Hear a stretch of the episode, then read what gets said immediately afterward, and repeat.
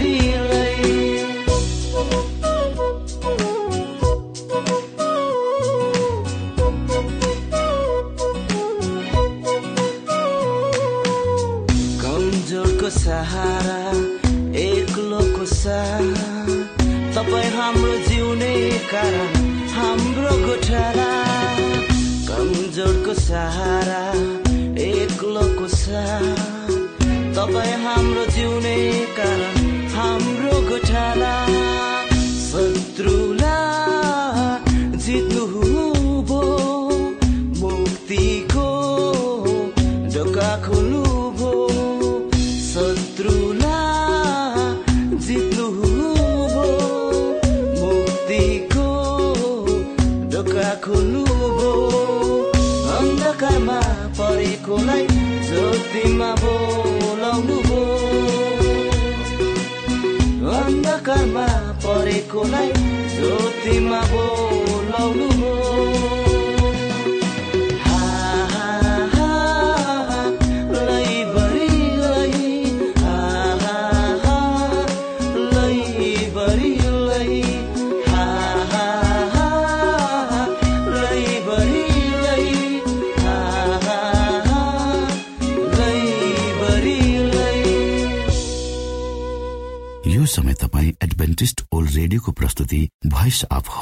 आशाको बाणी कार्यक्रम सुन्दै हुनुहुन्छ। श्रोता मित्र यो समय हामी पास्टर उमेश पोखरेलबाट आजको बाइबल सन्देश सुन्नेछौ। श्रोता साथी न्यानो क्रिस्टी अभिवादन। म तपाईँहरूको आफ्नै आफन्त अर्थात् पास्टर उमेश पोखरेल परमेश्वरको वचन लिएर यो रेडियो कार्यक्रम मार्फत तपाईँहरूको घर आँगनमा उपस्थित भएको छु। मलाई आशा छ तपाईँ हाम्रो कार्यक्रमलाई नियमित सुन्दै हुनुहुन्छ र यसबाट प्रशस्त आशिषहरू प्राप्त गर्दै हुनुहुन्छ। आजको प्रस्तुतिलाई पस्कनुभन्दा पहिले आउनुहोस् हामी परमेश्वरमा अगुवाईको लागि प्रार्थना राख्नेछौँ। जीवी जिउँदो महान दयालु परमेश्वर प्रभु हामी धन्यवादी छौँ। तपाईँको पुत्र प्रभु यीशु क्रिस्ट उहाँको प्रेम र बलिदानको लागि। प्रभु यो रेडियो कार्यक्रमलाई हामी तपाईँको हातमा राख्दछौँ। यसलाई तपाईँको राज्य महिमाको प्रचारको खातिर यो देश र सारा संसारमा तपाईँले पुर्याउनुहोस् ताकि धेरै मान्छेहरूले तपाईँको ज्योतिलाई देख्न सकुन् र तपाईँको राज्यमा प्रवेश गर्न सकुन्। सबै बिन्ती प्रभु यीशुको नाममा। आमेन।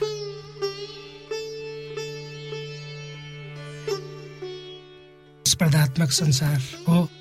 श्रोत साथी आजको संसार प्रतिस्पर्धात्मक संसार हो जसले मानिसलाई सफलतातर्फ अगाडि बढाउँछ। यो प्रतिस्पर्धा आर्थिक सम्पन्नता शैक्षिक उपलब्धि र खेलकुद सम्बन्धी र अरू पनि हुन सक्छन् हाम्रो जीवनमा हामीले धेरै किसिमका देखिने वा नदेखिने प्रतिस्पर्धा दिन प्रतिदिन गर्दछौँ। प्रतिस्पर्धा मार्फत मानिसले आफ्नो जीवनशैली आफ्नो समाज राष्ट्र र सारा संसारलाई परिवर्तन गर्दछ र उक्त परिवर्तन राम्रो वा नराम्रो दुवै हुन सक्छ। र आजको संसारले गरेको उपलब्धिलाई हामीले बिर्सनु हुँदैन। यी प्रतिस्पर्धाहरूले मानिसलाई निश्चित उद्देश्य र लक्ष्यमा पुग्न मद्दत गर्दछन् र मानिसलाई बाँच्ने ऊर्जा प्रदान गर्दछन्। त्यसैले त हामी मानिसहरू आज सभ्य र समुन्नत समाजतर्फ एक कदम अगाडि बढ्दैछौँ। हिजोभन्दा आज होइन र। यही सन्दर्भमा एउटा वास्तविक सत्य कथा म तपाईँहरू सामु बाँड्न चाहन्छु।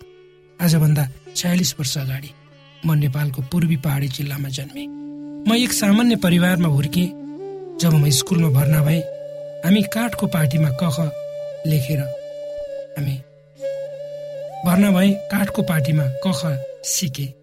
हाम्रा गोडामा जुत्ता चप्पल हुँदैन थियो पिठ्योमा झोला हुँदैन थियो र स्कुलमा जाँदा हामीसँग पानीको बोतल र खाजा हुँदैन थियो। हामी दिनभरि धुलामा बस्थ्यौँ खेल्थ्यौँ र पढ्थ्यौँ जीवन स्वस्थ थियो र मिठो पनि। रेडियो हाम्रो गाउँमा एकजनासँग मात्र थियो र एउटी आमाले उनको श्रीमानलाई आफ्ना प्रदेशमा भएका नानीहरूको खबर के छ भने रेडियोलाई सोधिदिनुहोस् न भनी गरेको अनुरोध आज पनि सम्झिँदा मलाई हाँस उठ्छ अनि टेलिफोनको कुरा त टाढै भयो जब म चौध वर्षको थिएँ बुबासँग। मधेस आए झरे र मधेसमा बस हिँडेको देख्दा म छक्क परेर लाग्यो। कसरी घर हिँड्दो रहेछ? त्यो मेरो सम्झनाभन्दा बाहिरको कुरो। त्यसपछि धेरै कुराहरूको परिवर्तन भयो। आजभन्दा बिस वर्ष अगाडि काठमाडौँमा आउँदा सबैसँग टेलिफोन थिएन। सार्वजनिक टेलिफोनको बुथमा गएर पैसा तिरी फोन गर्नु पर्थ्यो तर आज बिस वर्षभित्र सबै मानिस चाहे गाउँमा बस्ने घरमा मजदुरको रूपमा काम गर्ने जस्तो सुकै तह र वर्गका किन नहुन्? तिनीहरूको हातमा मोबाइल फोन छ। यी सबै कुराहरू सकारात्मक अनुसन्धानमूलक प्रतिस्पर्धाले गर्दा भएका हुन् र मान्छेको प्रयास र चाहनाले गर्दा भएका हुन्।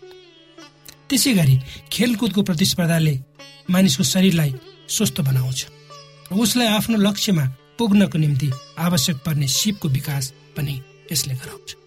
किनकि खेलाडी आफ्नो अन्तिम लक्ष्य पुरस्कार प्राप्त गर्न चाहन्छ। त्यसै गरी कलाकारहरू आफ्नो सङ्गीत स्वर चित्रकला फोटोग्राफी मार्फत आफू सफल हुन चाहन्छन्। तर के प्रतिस्पर्धा सधैँ असल कुरो हो त? के यसले तपाईँ हामीलाई सधैँ राम्रो बाटोतिर मात्रै लान्छ त? यी प्रश्नहरूको विषयमा तपाईँ हामीले जानकारी राख्नु आवश्यक छ श्रोत। आज उत्पादन गर्ने कम्पनीहरूले उपभोक्ताको चाहना अनुसार आफूले गर्न सक्ने राम्रो चिज बिजहरू उत्पादन गर्छन् र बजारमा पुर्याउँछन्। जे भए पनि यदि यी उत्पादन गर्ने कम्पनीहरूमा प्रति- प्रतिस्पर्धा छैन अर्थात् एउटा कम्पनीको मात्र हाली मुहाली छ भने कम्पनीले उपभोक्ता हितमा कम चासो राखेको हुन्छ र आफ्नो फाइदा मात्र हेर्छ। र यो उपभोक्ताहरूको हितमा हुँदैन। त्यसै कारण प्रतिस्पर्धाले कसैको पनि कार्यक्षमता दक्षतालाई उत्साहित गर्दछ। जब एउटा सामान उत्पादन गर्ने कम्पनीले उच्च कार्यक्षमताका साथ उपभोक्ताहरूको हितमा आफ्ना उत्पादनहरू बजारमा ल्याउँछ। तब उक्त कम्पनी आफ्नो व्यापारमा सफल हुन्छ र उसले धेरै मानिसहरूलाई रोजगार दिन सक्छ। उसका उत्पादनहरू सबै वर्गका मानिसहरूको पहुँचभित्र हुन सक्छ। तर दुःखको कुरा जब कुनै व्यापारिक कम्पनी प्रतिस्पर्धी हुन सक्दैन तब उसले आफ्नो उपभोक्ताहरूको विश्वास गुमाउँछ र अन्तत आर्थिक रूपमा टाट पल्टिन सक्छ। त्यसै गरी आज संसारका धेरै गरिब देशहरूले ठुल्ठुला देशहरूसँग प्रतिस्पर्धा गर्न नसकी आफ्नो जीवनस्तर उठाउन सकेका छैन। त्यो हाम्रो अगाडि स्पष्ट छ। त्यसै गरी यी सबै कुराहरू संसारमा हुने युद्धहरू संसारका ठुला ठुला देशहरूको राजनैतिक शक्ति आर्थिक स्रोत साधनमाथिको पकड र विचारको प्रतिस्पर्धाको परिणामहरू हुन् भन्दा अन्य अर्थ नलाग्ला।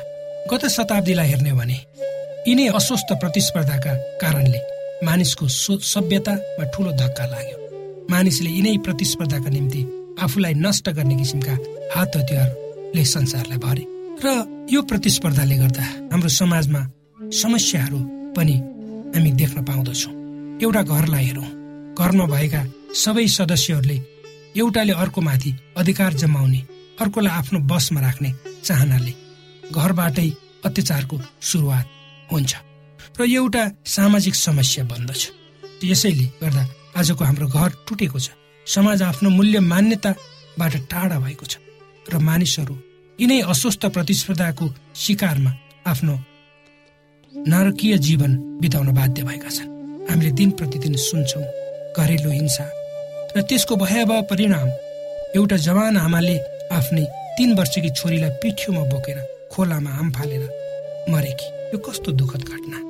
खेलाडीहरू श्रोता आफ्नो समय र रुपियाँ पैसा लगानी गर्छन् कडा मेहनत र परिश्रम गर्छन् र आफूलाई अनुशासित रूपमा लक्ष्यमा पुर्याउने प्रयत्नमा लागिरहन्छन्। उनीहरूको यो नै अन्तिम लक्ष्य हो त्यो हो पुरस्कार प्राप्त गर्नु।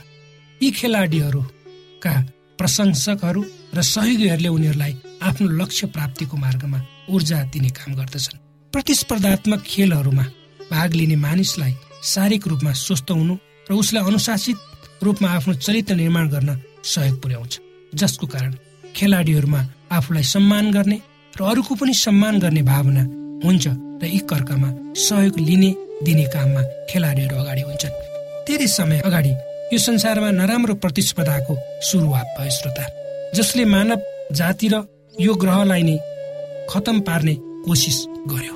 र आज यो संसारमा भएका देखिएका समस्याहरूको कारण पनि त्यही हो। यो समस्या समाधान गर्न परमेश्वरले आफ्नो एकमात्र पुत्र संसारको खातिर दिनुभयो जुन संसार दुःख र कष्टले छटपटाइरहेको थियो। कहिले पनि निको नहुने पीडाबाट गुज्रिरहेको थियो। उक्त कुरा पवित्र धर्मशास्त्र बाइबलको यहुन्ना तीन अध्यायको पन्ध्र पदमा यसरी लेखिएको छ। आउनुहोस् हामी पढौँ पवित्र धर्मशास्त्र बाइबलको यहुन्ना तीन अध्यायको सोह्र पद। किनभने परमेश्वरले संसारलाई यस्तो प्रेम गर्नुभयो। उहाँले आफ्नो एकमात्र पुत्र दिनुभयो ताकि उहाँमाथि विश्वास गर्ने कोही पनि नाश नहोस् तर त्यसले अनन्त जीवन पाओस्। श्रोता यसुले आफूलाई मानवताको क्याप्टेन बनाउनु भयो र उहाँ पृथ्वीको भूमिमा आउनुभयो र उहाँको शरीर रगत जसले मानवताको विरुद्धमा लडे र जीवनको खेलमा विजय भए। कसैले कहिले पनि उहाँको जित्ने तौर तरिकाको कल्पना गरेका थिएन फेरि कहिले पनि गर्नु पर्दैन किनकि युद्ध जितिसकिएको छ। श्रोत साथी यो ब्रह्माण्डमा सबै कुराहरू ठिकठाक थियो। परमेश्वरको एकतामा यो चलिरहेको थियो। शैतानले केही परमेश्वरको दूतहरूलाई आफ्नो पक्षमा पार्न सफल भयो र विवाद परमेश्वरका जन र शैतान बीच सुरु भयो जुन कुरा पवित्र धर्मशास्त्र बाइबलको इजिकेल भन्ने पुस्तकको अठाइस अध्यायको बाह्रदेखि अठार पदमा यसरी लेखिएको छ। आउनुहोस् हामी पढौँ। इजिकेल अठाइस अध्यायको बाह्रदेखि अठार पद। हे मानिसको छोरो टुरोसका राजाको विषयमा विलाप गर। त्यसलाई भन् परमप्रभु परमेश्वर यसो भन्नुहुन्छ। तँ त सिद्धताको एक नमुना थिइस् र बुद्धिले पूर्ण सर्व सर्वाङ्ग सुन्दर। परमेश्वरको बगैँचा अदनमा त थिइस् हरेक बहुमूल्य पत्थरले त सिँगारिएको थिइस्। मानिक पुष्पराज पन्ना पितमणी आनिक्स बिल्लोर निर फिरोजा बेरुजले त आभूषित थिइस् तेरा मडी घरहरू सुनले मोरिएका थिए। त सृजेको दिनमा ती तयार पारिएका थिए। अभिभावक करूप हुनलाई त अभिषेक गरिएको थिइस् किनकि त्यसरी नै मैले तँलाई नियुक्त गरेको थिएँ। परमेश्वरको पवित्र पर्वतमा त थिइस् अग्निमय पत्थरका बीचमा त थिइस् त सृजिएको दिनदेखि नै तमा अधर्म फेला नपरेको दिनसम्म तेरा चाल ढङ्गमा त दोष रहिथिस् तेरा चारैतिरका व्यापारद्वारा त उपभद्रले भरिस र तैँले पाप गरिस्। त्यसैले मैले तँलाई परमेश्वरको पर्वतबाट अपमान गरी खेदिदिए। हे अभिभावक करूप तैँले मलाई अग्निमय पत्थरहरूका बीचदेखि तपाइदिए तेरो सुन्दरताले गर्दा तेरो हृदय घमण्डले फुलियो तैँले आफ्नो गौरवको कारण तेरो बुद्धिलाई भ्रष्ट पारिस। यसैले मैले तँलाई जमिनमा फालिदिए। राजाहरूका अघि मैले तँलाई तमासा बनाइदिए। तेरा धेरै पापहरू र बैमान व्यापारद्वारा तैँले मेरो पवित्र स्थानलाई बिटुलो पारेको छस्। यसैले गर्दा मैले तँबाट एउटा आगो निकालिदिए। त्यसले नै तँलाई भस्म पार्यो। तँलाई निल निहालेर हेर्नेहरू सबैका दृष्टिमा मैले तँलाई जमिनमा खरानी तुलाइदिए। ओ श्रोता सैतानलाई परमेश्वरले कसरी स्वर्गबाट खसाउनु भयो भन्ने कुरा यहाँ लेखिएको छ। यसले देखाउँछ सैतान र उसको समूह पराजित भयो। तर पुरा उसको समूहले आदम र हवालाई परीक्षामा पारी संसारलाई आफ्नो कार्यक्षेत्र बनायो र आदम र हवा पापमा परे। त्यसपछि मानिसहरू कमजोर भए। मृत्युले उनीहरूलाई गाँच्यो तर सैतान पृथ्वीमा आउनुभन्दा पहिले नै परमेश्वर पिता उहाँको पुत्रले एउटा निर्णय गर्नुभएको थियो। त्यो हो मानिसलाई बचाउने। त्यसै अनुसार पुत्र यसो क्रिस यो संसारको खेलमा होमिनु भयो र आफ्नो जीवन सैतान विरुद्धको युद्धमा दिनुभयो। र सैतानमाथि विजय हुनुभयो। यसुको जीवन मृत्यु र पुनरुत्थानले उहाँका जनहरूलाई जीवन दिएको छ आशा दिएको छ। र यो खेलमा सबै तपाईँ हामी प्रतिस्पर्धी छौँ। र कसैले पनि हार्नु पर्दैन। यसुले तपाईँ हामी उहाँसँग यो खेलमा भाग लिन आमन्त्रण गर्नुहुन्छ ताकि हामी उहाँसँगको खेलमा सहभागी भई विजयी जीवन बिताउन सकौँ। परमेश्वरले यी वचनहरूमा तपाईँ हामीलाई आशिष दिनुहोस्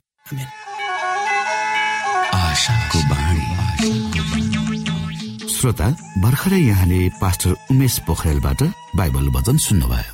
यो समय तपाईँ एडभेन्टिस्ट ओल्ड रेडियोको प्रस्तुति भोइस अफ होप आशाको बाणी कार्यक्रम सुन्दै हुनुहुन्छ। कार्यक्रम सुनेर बस्नुहुने सबै श्रोतालाई हामी हाम्रो कार्यक्रममा स्वागत गर्न चाहन्छौ।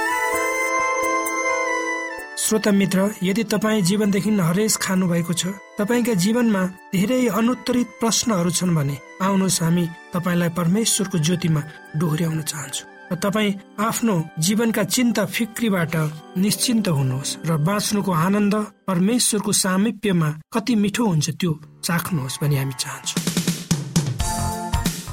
श्रोता यदि तपाईँ आशाको बाणी कार्यक्रमलाई अनलाइन सुन्न चाहनुहुन्छ वा डाउनलोड गर्न चाहनुहुन्छ भने डब्लु डट डट ओआरजीमा जानुहोस्। त्यहाँ तपाईँले प्रत्येक दिनको कार्यक्रम सुन्न र डाउनलोड गर्न सक्नुहुनेछ।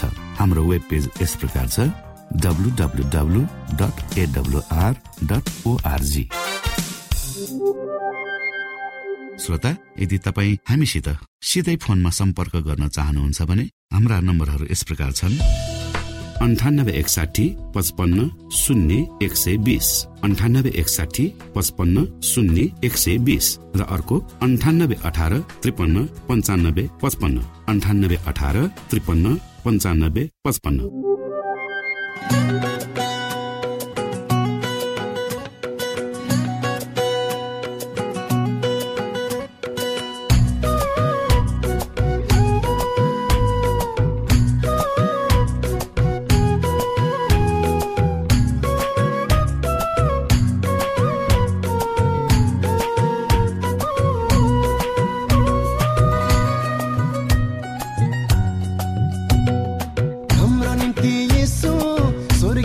I turn, you.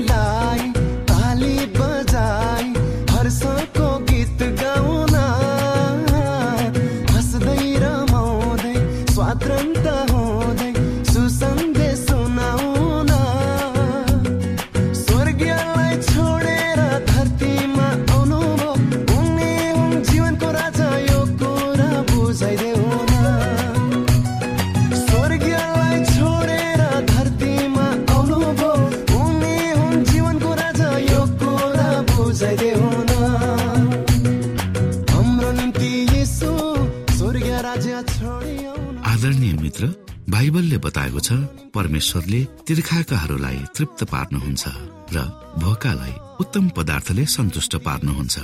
हामीलाई दिइएको यो छोटो समय आशाको बाणीको प्रस्तुतिको समयमा हामीले हाम्रा श्रोताको आत्मिक भोकलाई केही मात्रामा भए तापनि सही प्रकारको खोराक पस्केर आत्मिक सन्तुष्टि दिन सकेका छौं केही ऊर्जा थप्न सकेका छौं भनेर हामीले आशा राखेका छौं।